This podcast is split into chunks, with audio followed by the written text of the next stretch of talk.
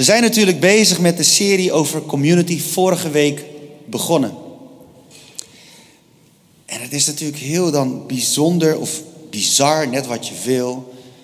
De droom die we hebben is dat we meer en meer een community worden. En niet alleen dat we dat worden of dat we dat zijn, maar dat je dat ook echt voelt in je wezen. Dat we verbonden zijn aan elkaar. Ik geloof dat wij als kerk zijn gegeven aan elkaar. Of je het nou leuk vindt of niet, de persoon naast je is jou gegeven als een geschenk van God aan jou, aan de kerk. En ik zie de echtparen heel verliefd kijken naar links en naar rechts. Ja, jij. Maar het gaat verder dan de echtparen, mensen. We zijn samen een community, of de stelletjes ook. Natuurlijk, niet iedereen is al getrouwd, maar anyway, jullie snappen wat ik bedoel. Maar we zijn samen een community. En waarom zeg ik dan bijzonder bizar? Het is dan ook, als je meer verbonden bent met elkaar, dan ga je ook elkaars pijn meer voelen. Ook elkaars vreugde. Het is twee kanten. En als ik dan denk aan community, nou ja, we hebben het, Liesbeth had het al over oom Fred. Ik ken oom Fred al sinds ik een baby ben. Oom Fred en mijn pa zijn jeugdvrienden. Dat waren twee boefjes. Ze waren heel stout. Mijn opa was dominee. Zo'n echte, weet je wel, die theologie had gestudeerd. En uh, hij was voorzitter van de Pinksterbeweging in Indonesië. En mijn pa die deed van alles wat, wat, wat, wat niet helemaal bij Jezus hoorde. En oom Fred deed mee. Ze waren samen de twee boefjes. Ik heb verhalen gehoord over hoe ze stiekem rookten in de toiletten en dat soort dingen. Je kan je niet voorstellen, maar mijn pa was vroeger echt. Hij kon roken echt niet normaal. Het was gewoon een schoorsteen ingebouwd en alles. En dan zie je dat God mensen verandert. Als, als mensen mijn pa nu ook zien spreken in een kerk in Indonesië, zeggen ze: Huh? Jij? Dan moet God bestaan. We dachten dat je nu al. En dan komen er dingen uit mensen hun mond. Denk ik: Oh jee, wie was mijn vader voor zijn bekering? Weet je wel, dat je echt denkt: Hoe? Maar zo close is oom Fred dus altijd geweest. Was een soort bonusoom, een soort broer van mijn pa. Dus dat raakt. En dat is. Uh, ik, ik zat ook echt gisteravond, dacht ik van hoe ga ik hier preken over community? Maar toen dacht ik, ja, maar juist wil ik daarover spreken, want het is goed dat het raakt. Het zou een probleem zijn voor mij als het me niet zou raken. En dat is geen ding om naar jullie als je denkt van ja, maar ik weet helemaal niet wie die is. Maar ik bid dat we naar een groep, dat we groeien naar een eenheid ook al ken je die persoon niet, als je ziet dat iemand verdrietig is, dat jij dan dat verdriet meedeelt. En tegelijkertijd dat je niet schuldig hoeft te voelen als iemand anders heel blij is, dat je dan die vreugde deelt. Want dat is dus ook community. Dat vreugde en verdriet tegelijk, naast elkaar, parallel aan elkaar kunnen bewegen. Community. Ik vind het een geweldig mooi woord. En ik wilde vandaag ergens over spreken. Over community over hoe belangrijk het is dat iedereen op zijn of haar plek staat. Hoe onbenullig die plek ook lijkt.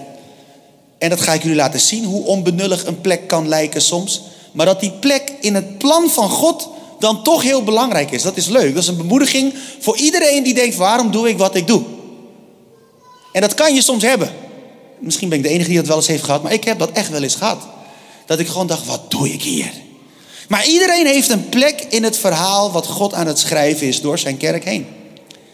En het tweede wat ik uit deze les haal, vanuit dit verhaal haal, dus ik geef jullie nu alvast de lessen en dan komt het verhaal. Dat is leuk. Omdat het koud is, dan heb ik de lessen alvast aan, het, aan tevoren gegeven. Dus mochten je hersenen op een gegeven moment uitvallen door de kou, heb je nu alvast de lessen gekregen. Maar de tweede les is waarom het dus belangrijk is ook om gehoorzaam te zijn.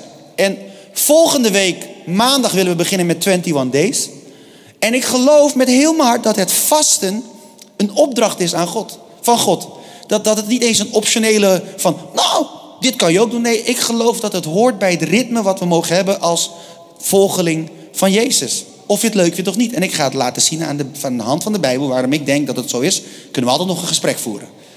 Maar dus daar gaan we het over hebben. Dat zijn de twee lessen. En dat doen we aan de hand van een verhaal wat helemaal niks met deze lessen te maken lijkt te hebben. Leuk hè? En het, ik kwam op dit verhaal omdat een poos geleden stuurde Peter. Ik zie Peter doet een halve, de halve van Egmond vandaag. Dus hij is er niet vandaag, maar um, hij stuurde me een podcast van een spreker naar wie ik wel vaker luisterde, maar deze preek kende ik nog niet. En ik ging er naar luisteren en ik werd echt gegrepen door zijn verhaal. En toen ging ik er zelf ingraven. En toen had ik echt het idee dat God als het ware meenam in dat verhaal. En toen dacht ik, oh, daar ga ik het over hebben. Het is een oud verhaal, komt uit Exodus, Exodus 17. En dan beginnen we te lezen vanaf vers 8. En dan lezen we door tot vers 16. Nou, vers 8 van Exodus 17, daar staat... In Refidim werd Israël aangevallen door de Amalekieten. En toen zei Mozes tegen Jozua... Kies een aantal mannen uit en trek met hen tegen Amalek ten strijde. Ikzelf zal morgen op de top van de heuvel gaan staan met in mijn hand de staf van God.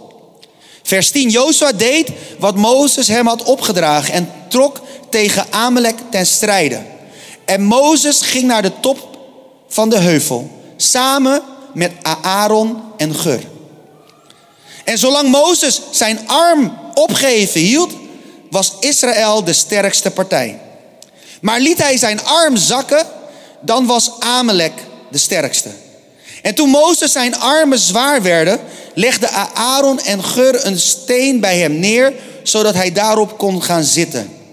En zelf gingen ze aan weerszijden van hem staan om zijn armen te ondersteunen. En daardoor konden zijn armen opgeheven blijven totdat de zon onderging. En zo versloeg Jozua het leger van Amalek tot de laatste man. Vers 14, de Heer zei tegen Mozes, leg deze overwinning in een oorkonde vast, zodat niemand die ooit zal vergeten. En overtuig Jozua ervan dat ik ervoor zal zorgen dat niets onder de hemel nog aan het volk van Amalek herinnert. En toen bouwde Mozes een altaar en hij noemde het, de Heer is mijn banier. Als je dat in het Hebreeuws leest, dan staat er Jehovah of Yahweh Nissi. De Heer is mijn banier. Hij zei, omdat Amalek de hand heeft durven opheffen tegen de troon van de Heer, zal de Heer zelf strijd voeren tegen Amalek in alle komende generaties. Ik zei het al, in eerste instantie lijkt dit stuk niets te maken te hebben met de twee punten die ik net noemde. Maar ik wil je vragen om de komende minuten naar me te luisteren en dat ik je meeneem door de tekst. En dat we dan gaan kijken wat we hiervan kunnen leren. We zien namelijk dat iedereen zijn eigen plek heeft in dit verhaal. Mozes samen met Aaron en Gur op de berg en Jozua in de vallei. Uit de tekst wordt niet duidelijk of Mozes van God had gehoord dat hij zijn handen omhoog moest houden. Of dat hij daar zelf achter kwam, omdat hij zag wat er gebeurde. Ik bedoel, je kan dan wel zien, als je dan zo staat en ze winnen en je wordt moe, doe dit. Ze verliezen, dan denk je, ah, misschien moet ik mijn armen omhoog houden. Dus dat weten we niet. Maar het wordt dus wel duidelijk uit de tekst dat het kennelijk Gods wil was dat Mozes met opgeheven handen daar was. Wanneer hij dus in gehoorzaamheid zijn handen ophief, was Jozua aan de winnende hand. Anders gezegd, wanneer Mozes in gehoorzaamheid iets in het natuurlijke deed, was er een bovennatuurlijk effect zichtbaar. En ik zei al, het eerste punt wat ik hieruit haal is hoe belangrijk het is dat iedereen op zijn of haar plek staat. En waarom schrijf ik dat zo op? Want ik kan me zo voorstellen dat Mozes zegt, ik ga naar boven, naar die heuvel, met de staf van God in mijn handen. Denk je, dat is een taak. Daar, daar gaat hij iets doen. En dan zie je hem zo staan, denk je, hij doet wat. Hij zegt tegen Jozua, ga met een paar mannen de vallei en trek ten strijden. Dat is ook een duidelijke taak, toch? Je weet wat je gaat doen. En dan zegt hij tegen Aaron en Gur, mannen kom mee.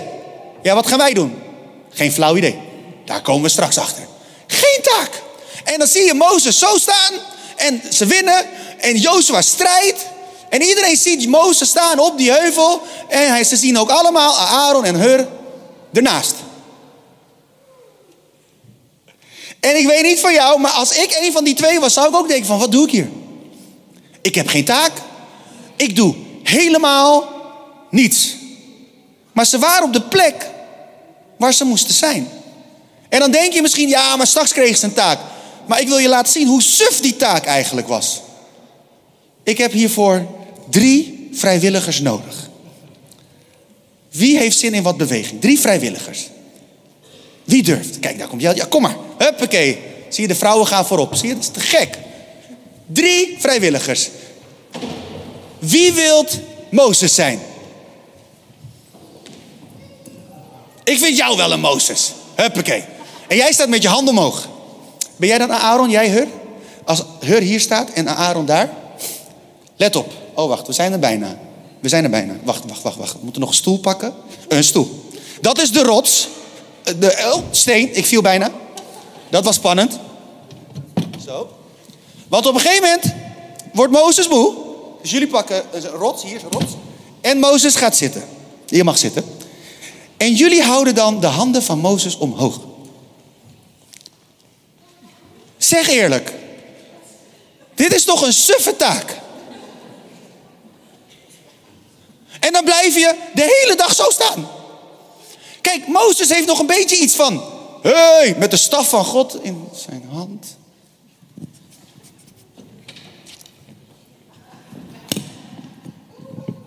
Dat heeft nog iets van autoriteit. En dan staan die twee daar de hele tijd naast. Ze doen helemaal niks. Ja, handen omhoog houden. Maar, dit is best wel een ding.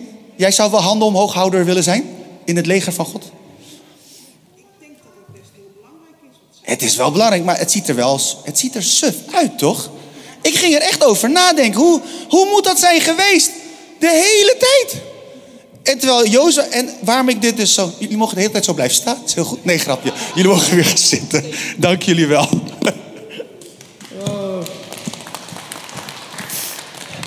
Maar waarom ik dit, dit zo zeg is, het klopt, het was een belangrijke taak. Maar hij ziet er wel, ik, vond hem, ik vind het er best wel suf uitzien. En hier was het dan in een koude kerk. Maar daar moet je voorstellen, in een woestijn, de brandende zon. En ze staan er gewoon naast. En ik kan me voorstellen dat je soms denkt, ja, wat, wat doe ik nou? Maar zij hielden de handen van Mozes omhoog. Want het was zijn opdracht om zijn handen omhoog te houden. Daar kan je ook een les uit leren. Dat als je soms in gehoorzaamheid wandelt achter God aan. En gewoon doet wat hij van je vraagt. Dat je soms het niet alleen kan. En dus iemand moet vragen om je te helpen. En dat dus ook in het community, in het lichaam van Jezus het zo is. Dat je soms niet eens iets doet wat jij moet doen voor God. Maar dat je iemand helpt om te doen wat hij of zij moet doen voor God. Community. Het is net als voetbal. Ik hou helemaal niet van voetbal. Ik kan niet helemaal niet voetballen. Maar eens in de zoveel tijd geef ik een voetbalvoorbeeld. Dat vind ik leuk. Dan praat ik de taal van alle voetballers onder ons. In een voetbal, bij, nee, in een voetbal elftal, in een voetbal, in een elftal heeft iedereen zijn eigen plek, toch? Je hebt een keeper, die staat in het doel. Moet ik het jullie echt uitleggen? Ik zie sommige mensen echt kijken, echt waar? En die staat niet in de spits. Een spits staat vooraan. Je hebt middenvelders, je hebt verdediging en daar stop ik met mijn uitleg. Maar iedereen heeft zijn plek. En het team werkt als iedereen op zijn of haar plek staat. En het is gewoon zo dat vaak de spitsen, misschien de middenvelders die een beetje vooraan zitten, dat die vaker scoren, denk ik. Is dat zo, voetballers? De, de keeper scoort niet heel vaak, lijkt mij. Maar de keeper is net zo belangrijk als de rest. Het team functioneert als geheel. En zo is het in het koninkrijk van God ook, in community ook. Iedereen heeft zijn plek. Wat was er gebeurd als Aaron en Hur niet mee wilden gaan naar boven, omdat er op dat moment dat ze vertrokken naar de top van de heuvel geen duidelijke taak voor hen was? Wat was er gebeurd als ze zeiden: Mozes, maar wat gaan we daar doen dan? Ja, dat weet ik niet. Ja, het is, weet je hoe warm het daar is? Ja, dat weet ik. Maar waarom moeten we mee? Ja, gewoon. Ik ben blij dat het geen Nederlands volk was daar. Want daar zouden echt dingen vragen. Ja, nou, maar als het niet nuttig is, nee, weet je, ik, ik, ik, ik heb nog dingen te doen. Ja, dat snap ik. Maar we hebben een strijd en we moeten wat doen. Ja, maar wat ga ik daarboven doen dan? Dat weet ik niet. Het is gewoon handig. Ik vind het gezellig als jullie meegaan. Er was geen taakomschrijving voor hun. En dat is dus ook community, dat je dus soms gewoon beschikbaar moet zijn. Dat je dus gewoon ruimte moet hebben om, als er iets nodig is, dat je kan inspringen. Community. Samen. Ze waren gewoon beschikbaar. Beschikbaar in die community.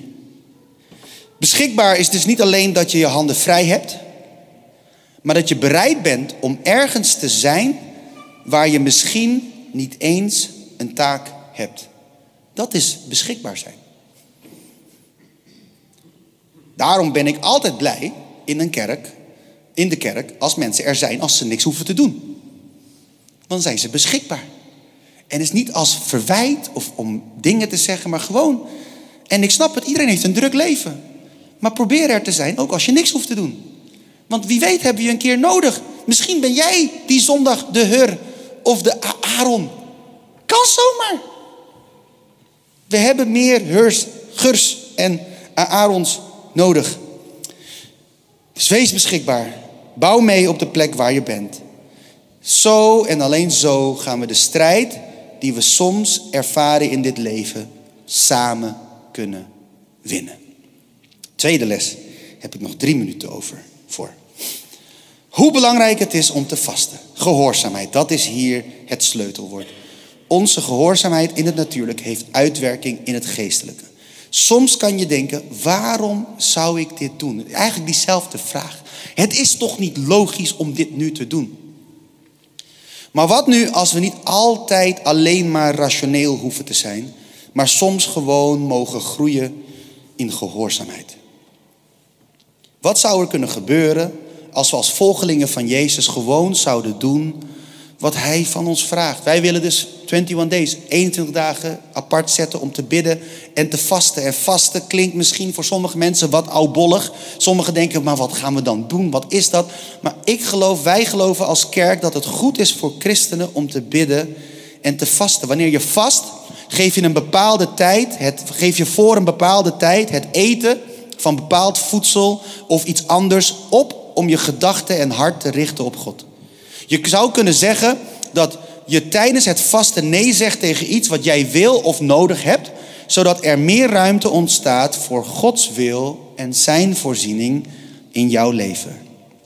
En tijdens 21 days dan vasten de meesten met een Daniel vasten. En Daniel vastte 21 dagen lang in de eerste maand van het Joodse kalenderjaar. En dit, dit deed hij nadat hij een visioen had ontvangen over een grote strijd waarover hij in diepe rouw was. Je kan dit lezen in Daniel 10, vers 2 en 3 voor de mensen die aantekeningen maken en leuk vinden om te checken of ik dingen zeg die wel in de Bijbel staan. Dus dat is goed.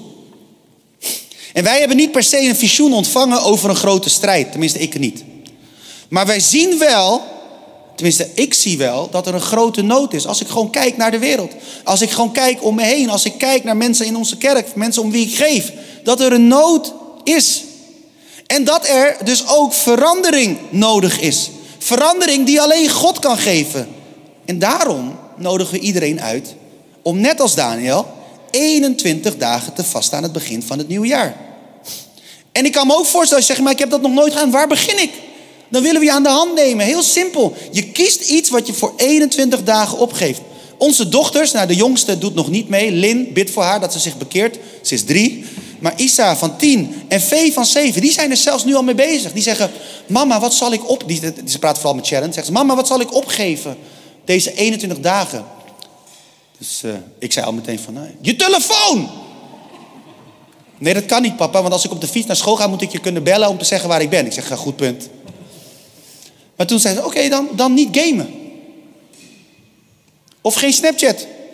Kinderen communiceren via Snapchat. Niet via WhatsApp, Snapchat. Dus, ja. Oh ja, we gaan erover nadenken. ik zeg, bid ervoor. Kijk wat je mag opgeven. 21 dagen. Dat is stap 1. Stap 2 is dat je je opgeeft. En dan krijg je elke dag een mail met een overdenking. Die mail kan je gewoon lezen. Weet je, hoef je niks voor te doen. Je leest die mail en je kan hem nog een keer lezen. Nog zit een overdenking. Die lees je, die herlees je. Kan je stil worden en het dan nog een keer lezen. En vragen aan God, ja, wat, wat, wat mag ik hieruit halen voor vandaag? In diezelfde mail staan er ook gebedspunten. Voor de mensen die denken, ik heb geen flauw idee waar ik voor moet bidden. Gewoon gebedspunten. En dan kan je gewoon bidden voor de punten die er staan. En als je denkt, ik ben net nieuw in het vasten. Dit is alles wat ik kan doen. Prima, dan heb je gedaan wat je kan. Ben je zo'n professionele vaster, dan kan je gewoon nog zelf doorbidden. Weet je wel, dat is ook oké. Want je hebt mensen die kunnen uren bidden en je hebt mensen die kunnen vijf minuten bidden. En God houdt van allebei evenveel. Het is allebei belangrijk. Maar dat vasten dus. En voel je dus vrij om te kiezen wat jij 21 dagen wil opgeven voor God. Want uiteindelijk is het vasten vooral een zaak van het hart en niet van uiterlijke zaken. En waarom zou je vasten? Ik zei het al, het is een daad van gehoorzaamheid. In Matthäus 6, vers 16 zegt Jezus, wanneer je vast. Hij zegt niet als je vast of als je eraan denkt om te vasten. Er staat in het Nederlands wanneer je vast.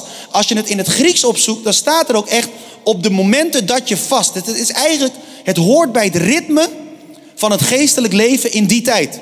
En hij zegt dat tegen zijn leerlingen. Dus hij zegt ook niet, ik schaf dat ritme af. Nee, we gaan gewoon door in dat ritme. Maar dan zegt hij, wanneer je dit doet, dan moet je niet lopen pochen met iedereen en zeggen, oh ik ben zo geweldig want ik vast. Nee, het is een zaak van het hart tussen jou en God. En dan kan je dus ook zeggen, ja maar hoe dan? Nu gaan we het samen doen. Dan weten we het van elkaar. Dat is ook oké. want in het Oude Testament zijn er genoeg momenten dat ze als volk samen vasten. Samen. Omdat ze een verandering nodig hadden in hun land. Of een doorbraak wilden zien. Of iets wilden meemaken, geestelijk. En ik geloof dat God krachtig antwoordt na een tijd van bidden en vasten. We zien dat ook vaak genoeg voorbij komen in de Bijbel. Onze daad van gehoorzaamheid in het natuurlijke brengt iets in beweging in het bovennatuurlijke. Ik denk, een van de meest sprekende voorbeelden is ook het voorbeeld van Daniel. Waar hij 21 dagen aan het bidden en vasten is. En na 21 dagen komt de engel Gabriel met hem spreken. En dan zegt hij, vanaf het moment dat jij begon, Daniel, met bidden en vasten, had God me al gestuurd. Maar ik werd tegengehouden door de vorst van Perzië. Dat, misschien ken je dat als je dat verhaal hebt gelezen. Als je een van die Bijbelverslinders bent. Hartstikke goed, ga door. Maar het zijn van die heerlijke verhalen. En dan zei hij, maar ik werd tegengehouden door de vorst van Perzië. Zie je, dus er is een strijd gaande in die tijd. En ik geloof nog steeds. En dan, staat, dan zegt Gabriel, en toen kwam de engel Michael met de hulp. En als je kijkt in de Bijbel is Gabriel vaak de boodschapper en Michael is de, is de generaal, zeg maar. Die is de strijder, de warrior, zeg maar. Dus dat, er gebeurt wat wanneer we bidden en vasten. Onze daad van gehoorzaamheid in het natuurlijke brengt iets in beweging in het bovennatuurlijke. Zoals we dus ook hebben kunnen zien in het verhaal van Mozes op de top van de heuvel, terwijl Jozua aan het vechten was in de vallei. En weet je, soms snappen we de link niet.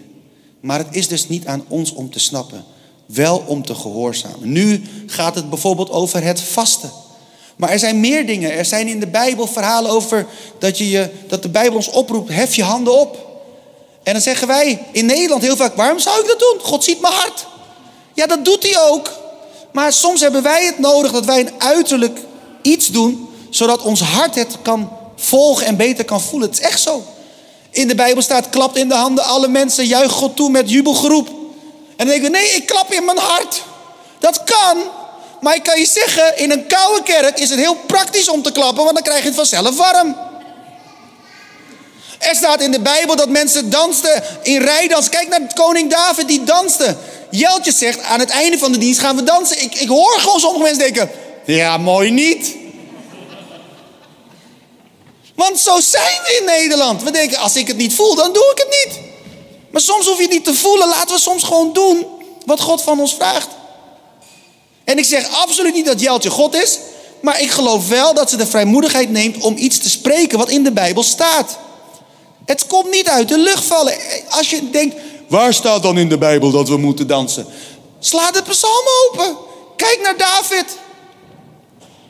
Als er iemand was die kon dansen, was hij het wel. Ik kan helemaal niet dansen. Ik kan alleen maar die, wat we in de Pinksterkerk vroeger deden, die, die spring en dan schoppen. Dat is alles wat ik kan. Daar stopt mijn dansrepertoire. Anyway, we moeten gewoon leren om te volgen, om gehoorzaam te zijn. Je gaat er zoveel mee winnen, mensen. Als je in beweging komt in het natuurlijke en gewoon doet wat God van je vraagt, dan ga je zien dat God in het bovennatuurlijke gaat bewegen in jouw leven, voor jouw leven.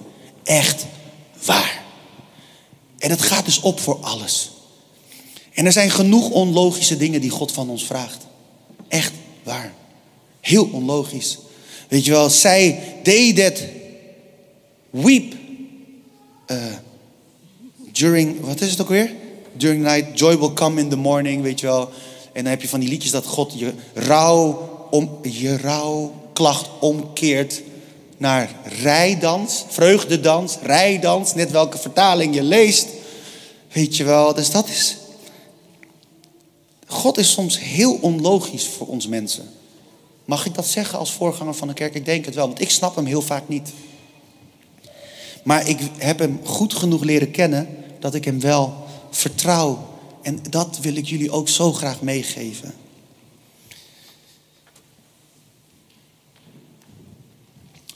En als laatste, wat ook wel belangrijk is. We snappen soms de link niet, maar het is niet aan ons om te snappen, wel om te gehoorzamen. Het is dus niet zo dat wij vasten om iets gedaan te krijgen bij God, alsof wij Hem daardoor voor ons karretje kunnen spannen. Ik heb ook wel eens mensen die namelijk zeggen: Ja, ik vast, want ik wil dat hebben. En soms geeft God het, maar het is dan, dan, dan lag dat al in zijn planning, zeg maar. Dat geloof ik echt. Maar het is wel zo dat wanneer wij vasten, meer ontdekken over zijn wil en steeds meer achter hem aan zullen gaan. En hierdoor komt onze wil, ons verlangen en ons hart veel meer in lijn met zijn wil, zijn verlangen en zijn hart. En ik denk dat dat in essentie de meest krachtige uitwerking is van een periode van bidden en vasten. Dat wij meer willen wat hij wil. Dat wij meer gaan zien wat Hij wil. Dat Hij ons laat zien wat Zijn plannen zijn, zodat wij daarin kunnen bewegen. Dat we vrijmoedig stappen kunnen nemen, moedige stappen kunnen nemen en in geloof vooruit kunnen gaan. Vasten en bidden. Dus, wees beschikbaar binnen de community. En als ik zo vrij mag zijn, doe mee met 21 Days. Ik wil je echt uitnodigen om de vrijmoedigheid te nemen om deze periode apart te zetten om te bidden en te vasten voor een specifiek onderwerp in jouw leven. Waar jij je misschien zorgen over maakt, dat mag. Misschien een verlangen waar je al zo lang voor bidt of een doorbraak welke je zo nodig hebt of een vriend of familielid die Jezus nog niet kent. Kies ervoor om deze dagen apart te zetten om hiervoor te bidden en verwacht dat God jou zal leiden, jouw gedachten zal vormen tijdens deze dagen en dat je een antwoord van Hem mag verwachten.